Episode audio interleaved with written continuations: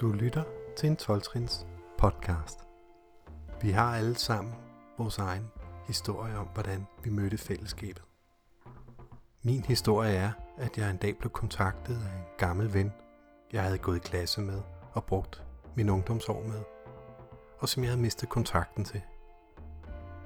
Han skrev til mig og spurgte, om vi kunne mødes, fordi han var startet i noget, der hed 12-trins fællesskaberne og han gerne ville lave noget, der hed et 9. trin. Det sagde jeg ja til. Og da han fortalte om, hvad det var, han gennemgik, så var der så meget, jeg kunne genkende, bortset fra en ting. Det var, at jeg ikke havde sådan en ubehændelig drikketrang. Men alt det andet kunne jeg genkende. Og der sagde han til mig, men der findes også andre fællesskaber end AA. Og det var min vej ind. I den her podcast kan du høre Kasper fortælle om hans vej til fællesskaberne og hans erfaring med de 12 trin.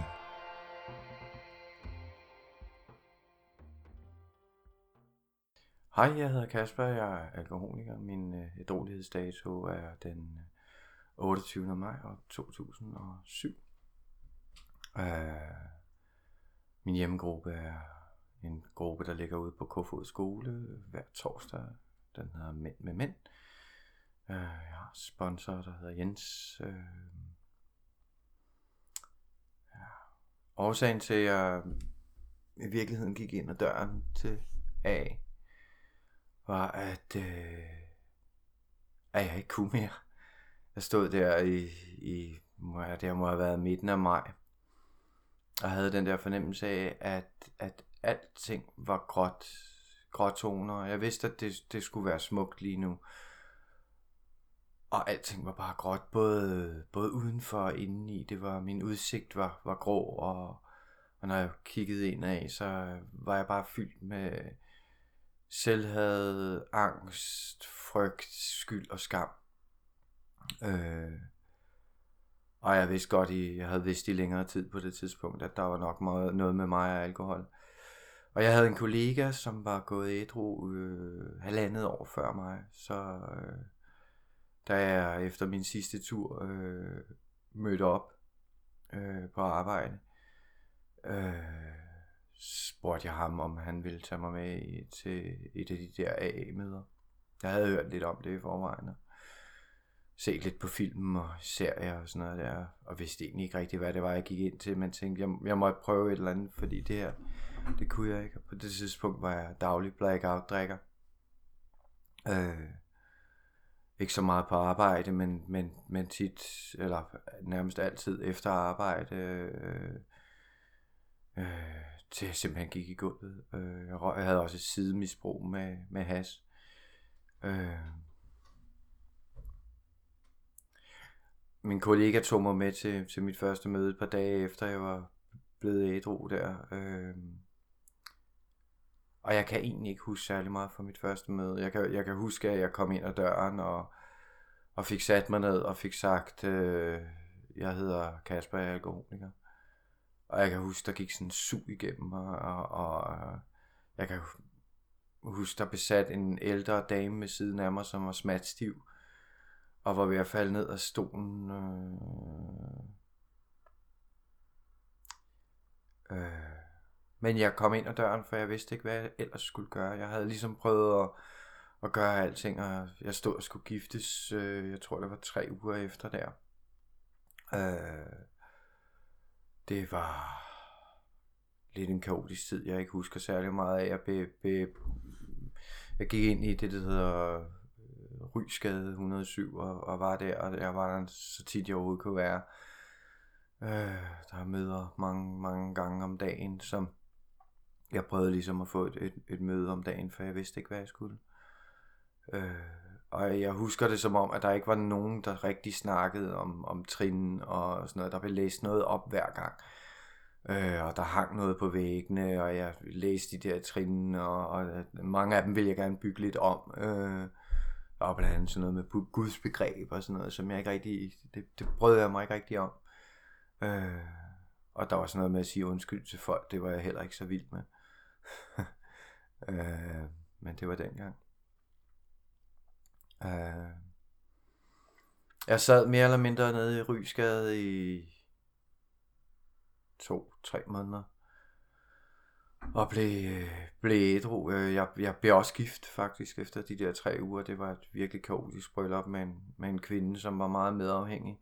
Og en ny ædru alkoholiker. Øh, det, var, det var lidt et vanvittigt bryllup. Øh, I dag griner vi heldigvis af det. Øh, jeg er en af de der slow starter med alkoholen. Øh, har altid været glad for alkohol, men i, i starten kunne jeg ligesom bestemme, skal jeg gå i skal jeg gå i hegnet i dag, eller skal jeg ikke?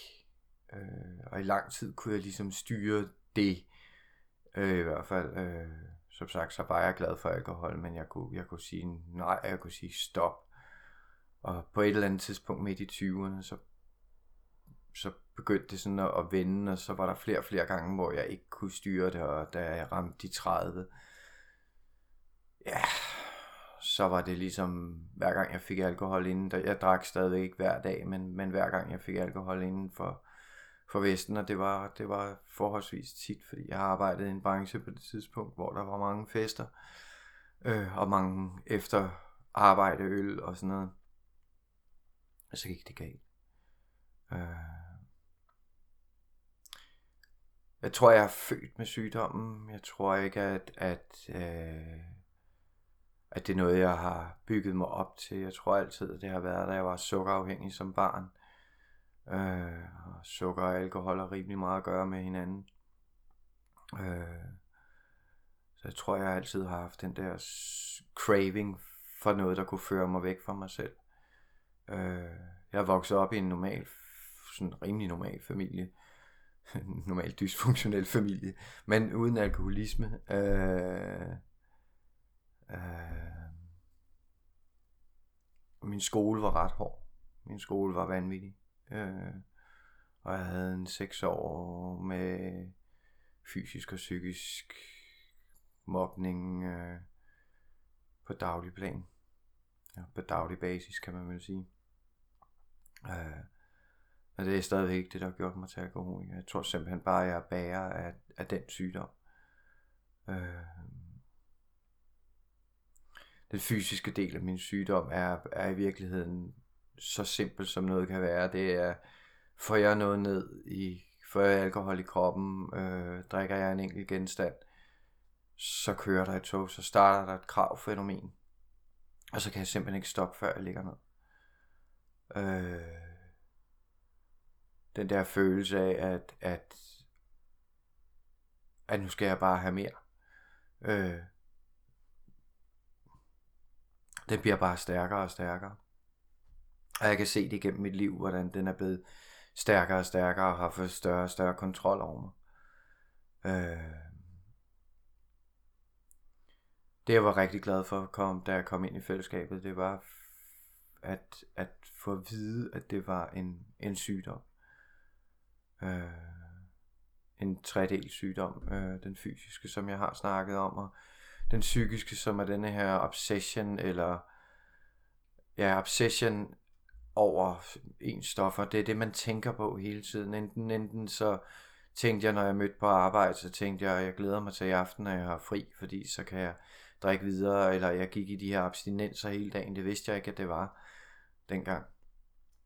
Men, men at, at jeg havde de her abstinenser, som, som fortalte mig, at, øh, at jeg var ved at dø nærmest indimellem. Altså jeg, jeg følte det, som om jeg var død, eller, eller jeg havde øh, katastrofetanker konstant. Øh, og, og det ville blive meget bedre, hvis jeg nu, øh, hvis jeg nu drak. Øh, alt ville blive meget bedre, hvis jeg, hvis jeg nu drak. Øh,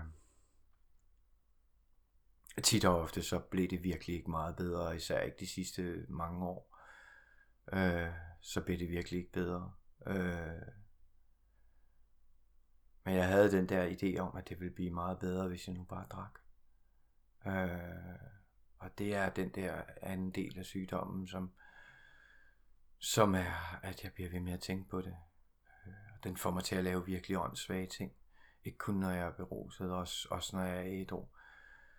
Virkelig, virkelig dumme ting. Og opfører mig dumt, meget, meget barnligt indimellem. Øh, Og så er der den sidste del af sygdommen, som er den her åndelige, åndelige min, kalder man det. Et åndeligt sår eller et åndeligt hul.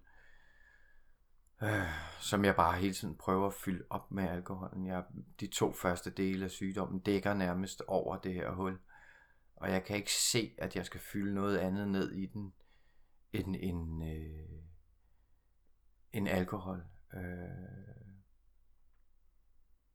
og det gør ondt. Og det gør mere ondt, og det gør ondt på andre folk rundt om mig. Øh, og tilbage til starten af at være ædru, så, så kom jeg ind i det her fællesskab og, og sad som sagt i Rysgade i to måneder. Og så mødte jeg nogle folk, der, der snakkede, de snakkede sgu mærkeligt, og de, øh, de, øh, de snakkede om det her program, de snakkede om sponsorer, de snakkede om blå bog, og, og jeg var sådan lidt, ah, jeg vidste sgu ikke rigtigt, og sådan noget. Nå, de sagde, at de havde en mandegruppe, og jeg tænkte, Nå, det kunne sgu være meget godt med en mandegruppe. Og, og jeg kom over i den her mandegruppe, og for det første var jeg pis bange for alle folk, fordi nogle af dem, de var store og overtatoverede og havde hår mellem tænderne nærmest, ikke? Og, og sådan noget, og, og jeg var fandme bange for alle de her folk, men de var glade, og jeg kunne se, de havde et eller andet, som, som, som, som jeg gerne ville have. Øh, de gik sammen, og de, de fortalte om ting, de havde lavet, og ting, der var, var, var, var sket for dem, gode ting, og, og, og jeg tænkte, det der vil jeg også prøve. Så allerede på første møde, så, så tænkte jeg, øh, der stod især, der stod sådan en virkelig, jeg synes han var så arrogant op på, det var sådan en talerstolsmøde. Og der stod sådan en gut op på talerstolen på et tidspunkt, og han virkede simpelthen så arrogant og irriterende. Øh, og fordi jeg var ny ædru, så var mine tanker stadigvæk rimelig, rimelig sindssyge. Så jeg tænkte, hvis jeg nu spørger ham, om han vil være min sponsor, så siger han sikkert nej. Fordi han er sådan, som han er. Jeg havde allerede en forudtaget mening om ham. Så efter, efter mit første møde der i, i den her mandegruppe, der øh, spurgte jeg ham, gik jeg op og spurgte, om han ville være min sponsor. Jeg var fandme bange for det. Og det sagde han ja til. Og så sad jeg ligesom i saksen. Øh, og han sagde, at jeg skulle læse bogen, og starte med, med de første par kapitler, og så skulle vi snakke om det. Øh, og det gjorde jeg så, for jeg vidste ikke, hvad jeg ellers skulle gøre. Jeg vidste ikke, hvad jeg ellers skulle gøre. Jeg havde ikke nogen anelse om det. Jeg ville gerne ud af det her. Og jeg kunne godt mærke sygdommen stadigvæk, at den havde fat i mig. Jeg havde drikketrang. Ikke så tit, men, men, men jeg havde drikketrang stadigvæk ind imellem. Og så begyndte jeg bare at arbejde hvad, og gøre, hvad han sagde, sådan næsten i hvert fald. Prøvede ind imellem at springe over, hvor gæret var lavest, men, men det virkede ikke rigtigt. Og han sagde, at jeg skulle gå, gå på knæ. Øh, og i starten blev det på mit toilet med låst dør. Fordi det var, det var, det var simpelthen så pinligt, det der, at jeg skulle gå på knæ. Og min, min, min nye kone der, øh, hun, hun, var, hun var ikke i noget fællesskab endnu, og Øh, vi havde en masse konfrontationer dengang. Øh, fordi hun havde ikke noget program, og jeg var lige i starten, og jeg var ny ædru. Vi var virkelig bindegale, os to mennesker. Øh, men langsomt begyndte jeg at lave det her program. Øh, og jeg lavede første trin øh, sammen med min sponsor, og, og sagde, det her, det, det, jeg kan godt se, at jeg er alkoholiker. Jeg kan ikke styre det her på nogen som helst måde. Alkoholen styrer mig. Og der var ikke så meget andet at gøre. Jeg kunne kun være ærlig. Jeg blev også bedt om at være ærlig. Det var noget værd ord. Øh, det kunne jeg ikke rigtig godt. Det kunne jeg ikke lide, fordi jeg har lavet sådan et ordentligt spind rundt om mig af, af løgn og, og ja, løgn og latin. Øh, men jeg fandt ud af, at det var det, jeg blev nødt til at gøre, så jeg satte mig ned, og så var jeg ærlig over for min sponsor, og de folk, jeg mødte i fællesskabet. Øh, der, der startede jeg med, med at øve mig i det. øh, jeg skulle prøve at opføre mig som et ordentligt menneske. Fordi det var ikke det, jeg var. Ikke dengang. Øh. Så under alle omstændigheder, så, så begyndte jeg på de her trin, og jeg tror, der gik tre måneder, eller sådan noget, tre-fire måneder, der har det været omkring øh, december, hvor jeg går igennem øh, en, en spiritusafdeling, eller vinafdeling i, i, i, i Føtex var det gud hjælpende. Og da jeg midt igennem den, opdager jeg lige pludselig, at jeg ikke har tænkt over, at jeg er gået igennem den. Og det var første gang, jeg oplevede og havde den der fornemmelse af, gud, der er noget, der er sluppet. Der er virkelig noget, der er sluppet. Fordi før i tiden, så ville jeg have været henne og kigge på alle flaskerne, og, og da jeg bag et år, der krabbede jeg mig udenom alle de der spiritusafdelinger. For jeg var så hunderad for dem. Jeg var så hunderad for det. Øhm. Jeg gik stadigvæk til fester, men jeg var begyndt at gå tidligt hjem. Øh. Og tage det sidste tog, eller et eller andet i den stil. Øh. Øh. Skulle man lidt i den der branche, der skulle man være til de der fester, så det var jeg, og det gik faktisk okay. Jeg kunne også se, at der var en bedring der. Det var de første par steder, jeg fandt ud af, at der var en bedring. Det var det, var det der med festerne, og, og det der med, at, at jeg begyndte ikke at obsesse over ting, når jeg kom ind i en spiritusafdeling. Øh, og sammen med den her sponsor, der nåede vi til... Uh, jeg tror, at vi nåede til omkring 10. trin. Uh, jeg fik lavet mit andet trin og sagt, okay, det her, det kan jeg nok ikke klare uden en højere magt. Og tredje trin, der fik jeg lagt min vilje og mit liv over til en højere magt, og jeg havde ingen anelse om, hvad det var. Jeg tænkte bare, at jeg må prøve et eller andet. Øh... Man kan sige, at sandheden for mig er i virkeligheden, at jeg brugte nogle flere år på at prøve at finde ud af, hvad der var min højere magt, indtil jeg fandt ud af, at det skulle jeg ikke prøve på. Jeg jeg prøvede at kontakte alt muligt religion og læse og gøre ved og så videre. Men til sidst, så efter nogle år, så fandt jeg ud af, at, at den var der, og accepterede, at den var der, og i det jeg i virkeligheden holdt op med at prøve at finde en højere magt, så kom jeg i kontakt med den. Det lyder mærkeligt, men, men det var faktisk mere eller mindre det, der skete. Jeg vidste godt, den var der i forvejen. Jeg, jeg havde en god anelse om det, og jeg havde oplevet ting, som ligesom gjorde, at, at der måtte være noget. Men det var faktisk først, da jeg til sidst befri sådan, og for at tænke over, hvad det skulle være, at den pludselig var der. Jeg blev ved med at bede mine bønder og meditere og gøre andre ting. Men det var i virkeligheden først, da jeg tænkte sådan, Nå, jamen, okay, jeg må acceptere, at den er der. Og så lige pludselig så var den der, og fandt ud af, at den var i alt, hvad jeg lavede. Øh. I hele den der proces, der fandt jeg også ud af, at min ensomhed forsvandt. Jeg var, jeg var ikke, jeg var ikke, jeg var ikke, øh, jeg var ikke ensom længere. Jeg, jeg, jeg var lige pludselig aldrig nogensinde ensom. Jeg kunne godt være alene, men det kunne jeg nyde.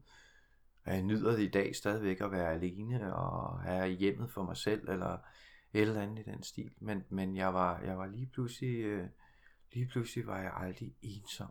Og jeg havde følt mig ensom i så afsindig mange år. Selvom jeg var sammen med andre. Så det var, det var også en enorm god følelse. Så lavede jeg min, øh, min, mit første fjerdetrin. Øh, og det var meget mærkeligt øh, at skulle sidde og skrive alle de her ting for mig. Øh, men, men jeg gjorde det. For jeg havde igen den der, jeg vidste ikke, hvad jeg skulle gøre ellers. Øh,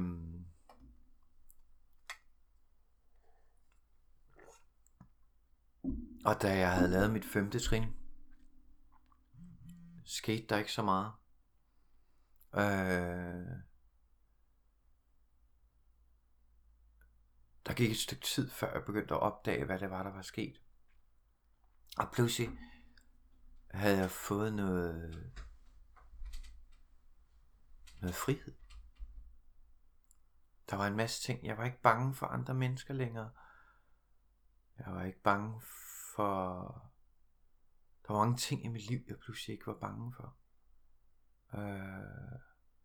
Der var også mange ting, jeg ikke længere var ked af. Der var mange ting, som, som gjorde, at jeg pludselig kunne se, hvordan var det, jeg havde ageret før i tiden. Øh, jeg var blevet mere ærlig, og, og jeg var blevet øh, lettere om hjertet. Og jeg kunne pludselig klare ting, som jeg ikke før havde kunnet klare. Øh, jeg skiftede sponsor på et tidspunkt og, og lavede trinene en gang til. Øh, på, en, på en ganske ny måde. En anderledes måde. Øh, og, og øh,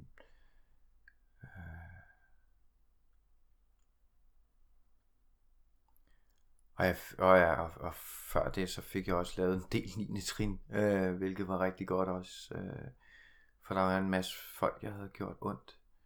Jeg havde heldigvis ikke øh, slået nogen ihjel, eller gjort helt forfærdelige ting, men noget forfærdeligt havde jeg gjort, og, og det blev der renset ud i. Øh, jeg har stadigvæk en living mens over for kvinder blandt andet, som jeg har opført mig som et svin overfor.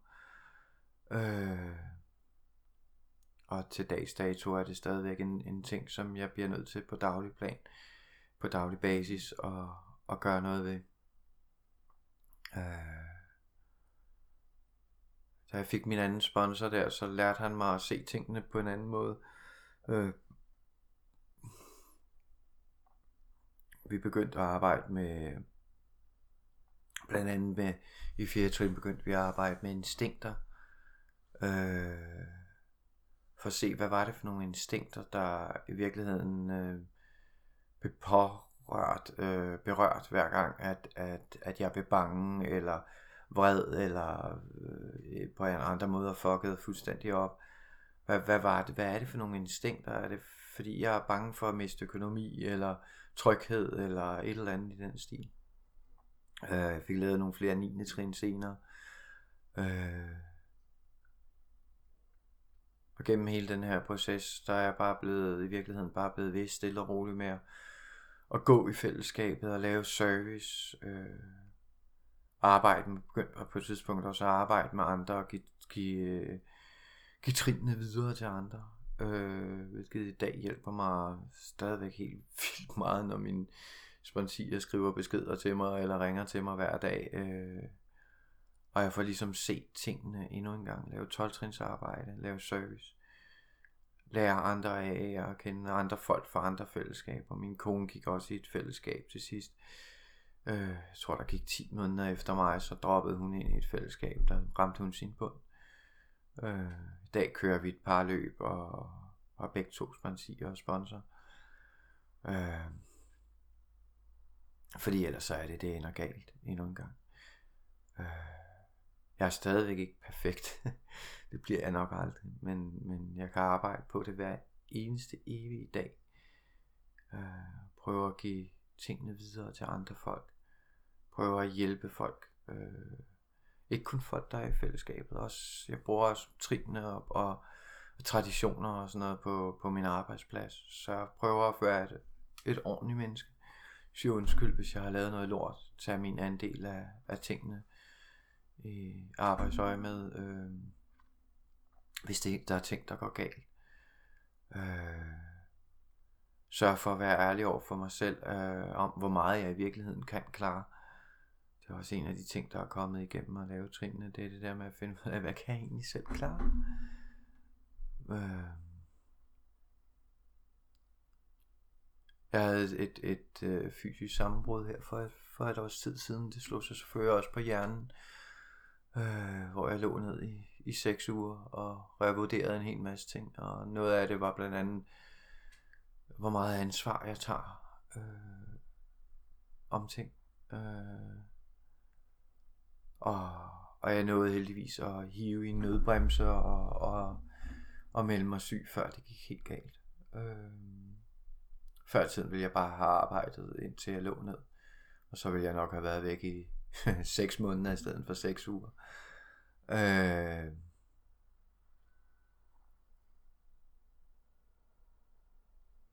arbejde betyder ikke så meget i dag. I dag handler det mere om, at øh, jeg skal kunne være sammen med min søn og min familie på en ordentlig måde. Øh, jeg skal prøve at være brugbar øh, i, i alle mulige sammenhæng. Øh, prøver at være en ordentlig søn over for min mor, øh, prøver at være en ordentlig ven. Øh, og jeg får lov til at øve mig på alle de her ting, hele tiden. Øh, jeg er også i gang med at tage noget uddannelse ved siden af, som jeg efterhånden har været kun 12 år. Den kan tages på 3,5. Men øh, nu sker det så endelig her til sommer, at, at jeg endelig langt om længe kommer til eksamen.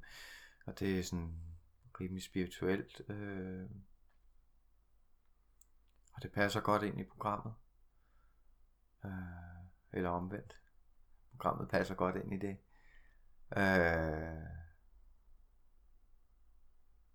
det er jeg virkelig taknemmelig for. Der er kommet meget taknemmelighed ind i mit, ind i mit liv i virkeligheden. Og før var jeg meget utaknemmelig. Og før handlede alting meget om, at, at det var synd for Kasper. Der var meget selvmedlidenhed. Der var rigtig meget selvmedlidenhed. Og jeg arbejdede så hårdt, og, og øh, alle folk var så onde ved mig, og det var også deres skyld, og når vennerne ikke kunne lide mig mere, så, eller det var det, jeg troede, de ikke kunne, for det meste var, gik de fordi, at jeg var en idiot, eller drak for meget simpelthen, øh, eller, eller gjorde andre tossede ting.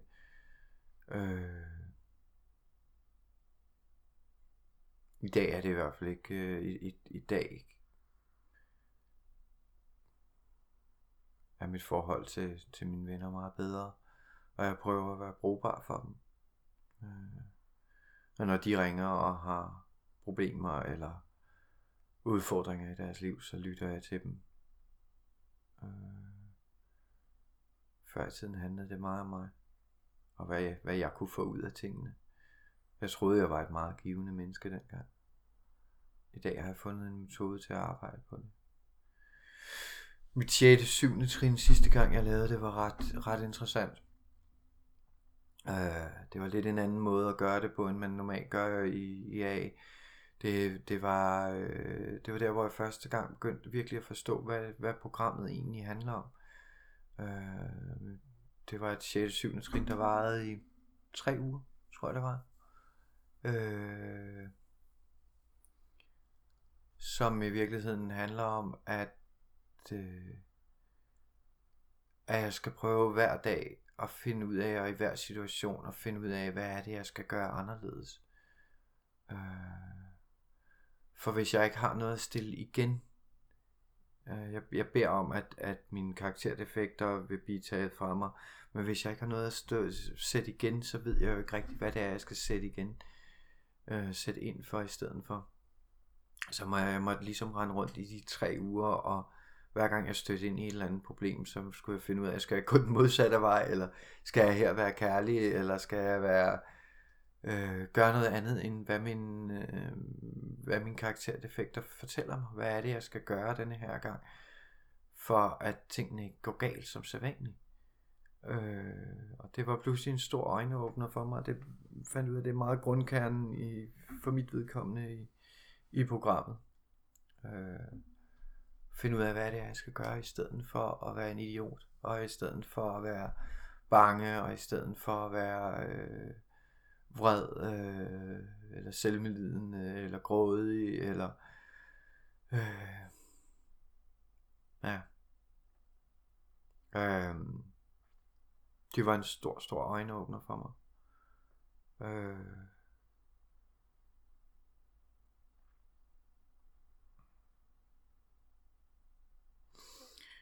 jeg tror, jeg bliver ved med at være i det her fællesskab resten af mit liv. Jeg ved ikke, hvad fanden jeg ellers skal gøre. Det bliver ved med at udvikle mig, så kan det godt være, at jeg har 10 år, men der er stadigvæk masser at tage fat i.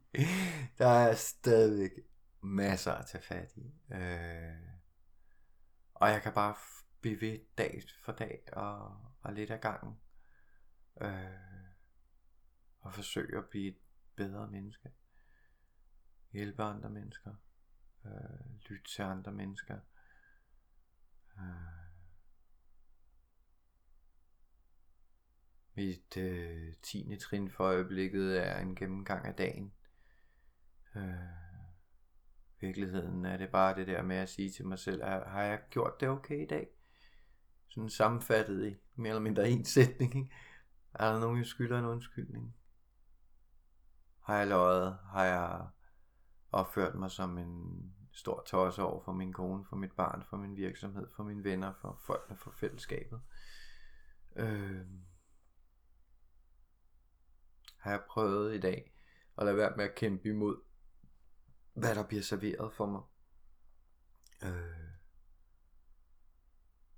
har jeg nogle gange så handler det jo i virkeligheden også om, om øh, for eksempel når man bliver skubbet lidt fremad af andre folk, øh, og, og tage de ting, som kommer fra andre folk. Har jeg lyttet efter det, og har jeg gjort det, eller har jeg lavet min frygt styre mig og sagt, nej, det skal jeg i hvert fald ikke. Har jeg prøvet noget nyt? øh, og nogle gange opdager jeg indimellem, at der er sådan nogle muligheder, der fløj fløjet mig næsen forbi i løbet af en eller anden dag, som, som kunne have været sindssygt spændende, men, men fordi min frygt tager over, så, så har jeg sagt nej til dem. Øh, prøver egentlig mellem stadigvæk at beskytte mig selv på en uhensigtsmæssig måde. Øh. Lige her omkring jul her havde jeg også noget med, at jeg, jeg havde en lille periode, hvor jeg, øh, jeg virkelig var vred på min kone. Ja, og jeg havde den der lidt sjove ting med, at jeg gik og gemte det. Indtil jeg lige fik snakket med en kammerat. Jeg tror, der gik seks dage eller sådan noget lignende. Hvor jeg gik i den her vrede og frustration og frygt og hvad det nu ellers var alt sammen. Jeg var virkelig ved at koge sammen og sov nærmest ikke om natten. Og så snakkede jeg med en anden en for fællesskabet. Det er jo det, vi skal. Det havde jeg bare lige glemt et øjeblik. Og så gik der en dag, og så fik jeg, fik jeg snakket med ham, og så fik jeg skrevet et fjerde trin på det. Og siden har jeg egentlig haft det meget godt, ikke? Og det er meget sjovt, at, at der skal egentlig ikke meget mere til, end bare i virkeligheden snakke med, snakke med et par andre fra fællesskabet og sætte sig ned og skrive. Og så kan man komme videre i sit liv uden alt den der frygt. Og nogle gange så skal jeg lige tilbage og smage på det. Det er stadigvæk dumt. og jeg har opført mig virkelig også som en idiot over for min kone. Uh, men det er igen det der med, der, der står i blå bog, vi er ikke helgerne. Og vi søger ikke perfektion, vi søger åndelig, øh, åndelig udvikling. Og det er noget af det, jeg rigtig godt kan lide, det her fællesskab. Det er til gengæld ikke noget, jeg bruger som undskyldning. Men bare noget, jeg måler efter en imellem og siger, okay, der var du igen en idiot. Så må du gøre noget ved det, Kasper. Øh, I dag er jeg generelt taknemmelig for mit lille stille liv. Øh, øh, jeg har oplevet så mange ting, øh, som det her fællesskab og det her program har hjulpet mig med. Set min far dø, øh, en langsom død, øh, øh, i en sygeseng, øh, og kunne være der til det. Være der bagefter for at hjælpe min mor, øh, se min søn komme til verden, miste jobs, få jobs, øh, gå fysisk ned på arbejde, øh, miste venner til sygdommen blandt andet. Øh, alt sammen med ædru. For en fem år siden, der røg jeg på hospitalet og blev pumpet fuld af morfin på grund af knoglebrud. Selv det kom jeg igennem. Jeg blev bare ved med hver morgen, så, så så bad jeg min bøn, og så hørte jeg podcast øh, med Speaks dagen lang, mens jeg lå derinde, øh, og bad min bøn om aftenen, og, og gjorde de ting, og ringede til folk, og folk ringede til mig. Øh, kom jeg igennem, stille og roligt, en dag ad gangen, uden at have lyst til at tage mere morfin, eller eller, eller fuck fuldstændig op på det endnu en gang. Øh, jeg kan gøre alle de ting i dag, uden at, uden at gå helt bag om dansen og skulle begynde at drikke igen. Jeg kan ikke huske, hvornår jeg sidst har haft drikketræ. Det er, det, det går efterhånden ville være nogle år siden. Øh, eller, ja, drikketrang, ja. Øh,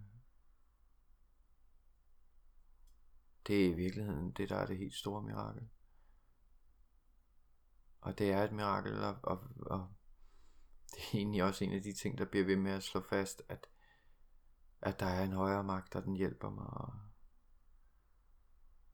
øh, jeg er taknemmelig i dag. I stedet for at være et utaknemmeligt skarn. Øh,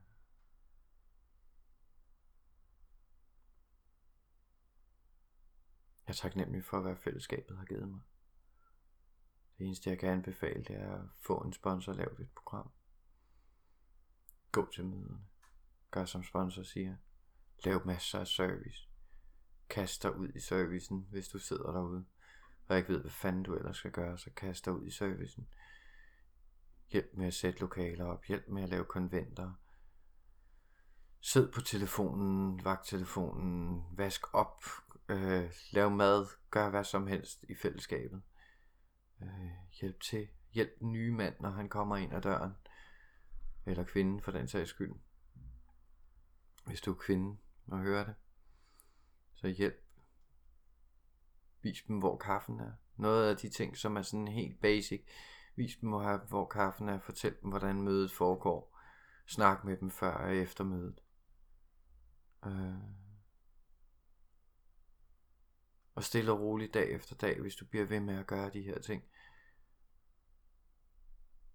så kan man til sidst sidde og være taknemmelig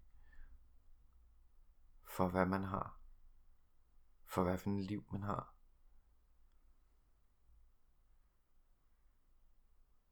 Ja. Jeg tror, det er i virkeligheden det, der er for mig i dag. Tak for mig. Du har nu lyttet til en 12-trins podcast. Vi håber, du kunne lide den. Vi har i hvert fald nyt at lave den.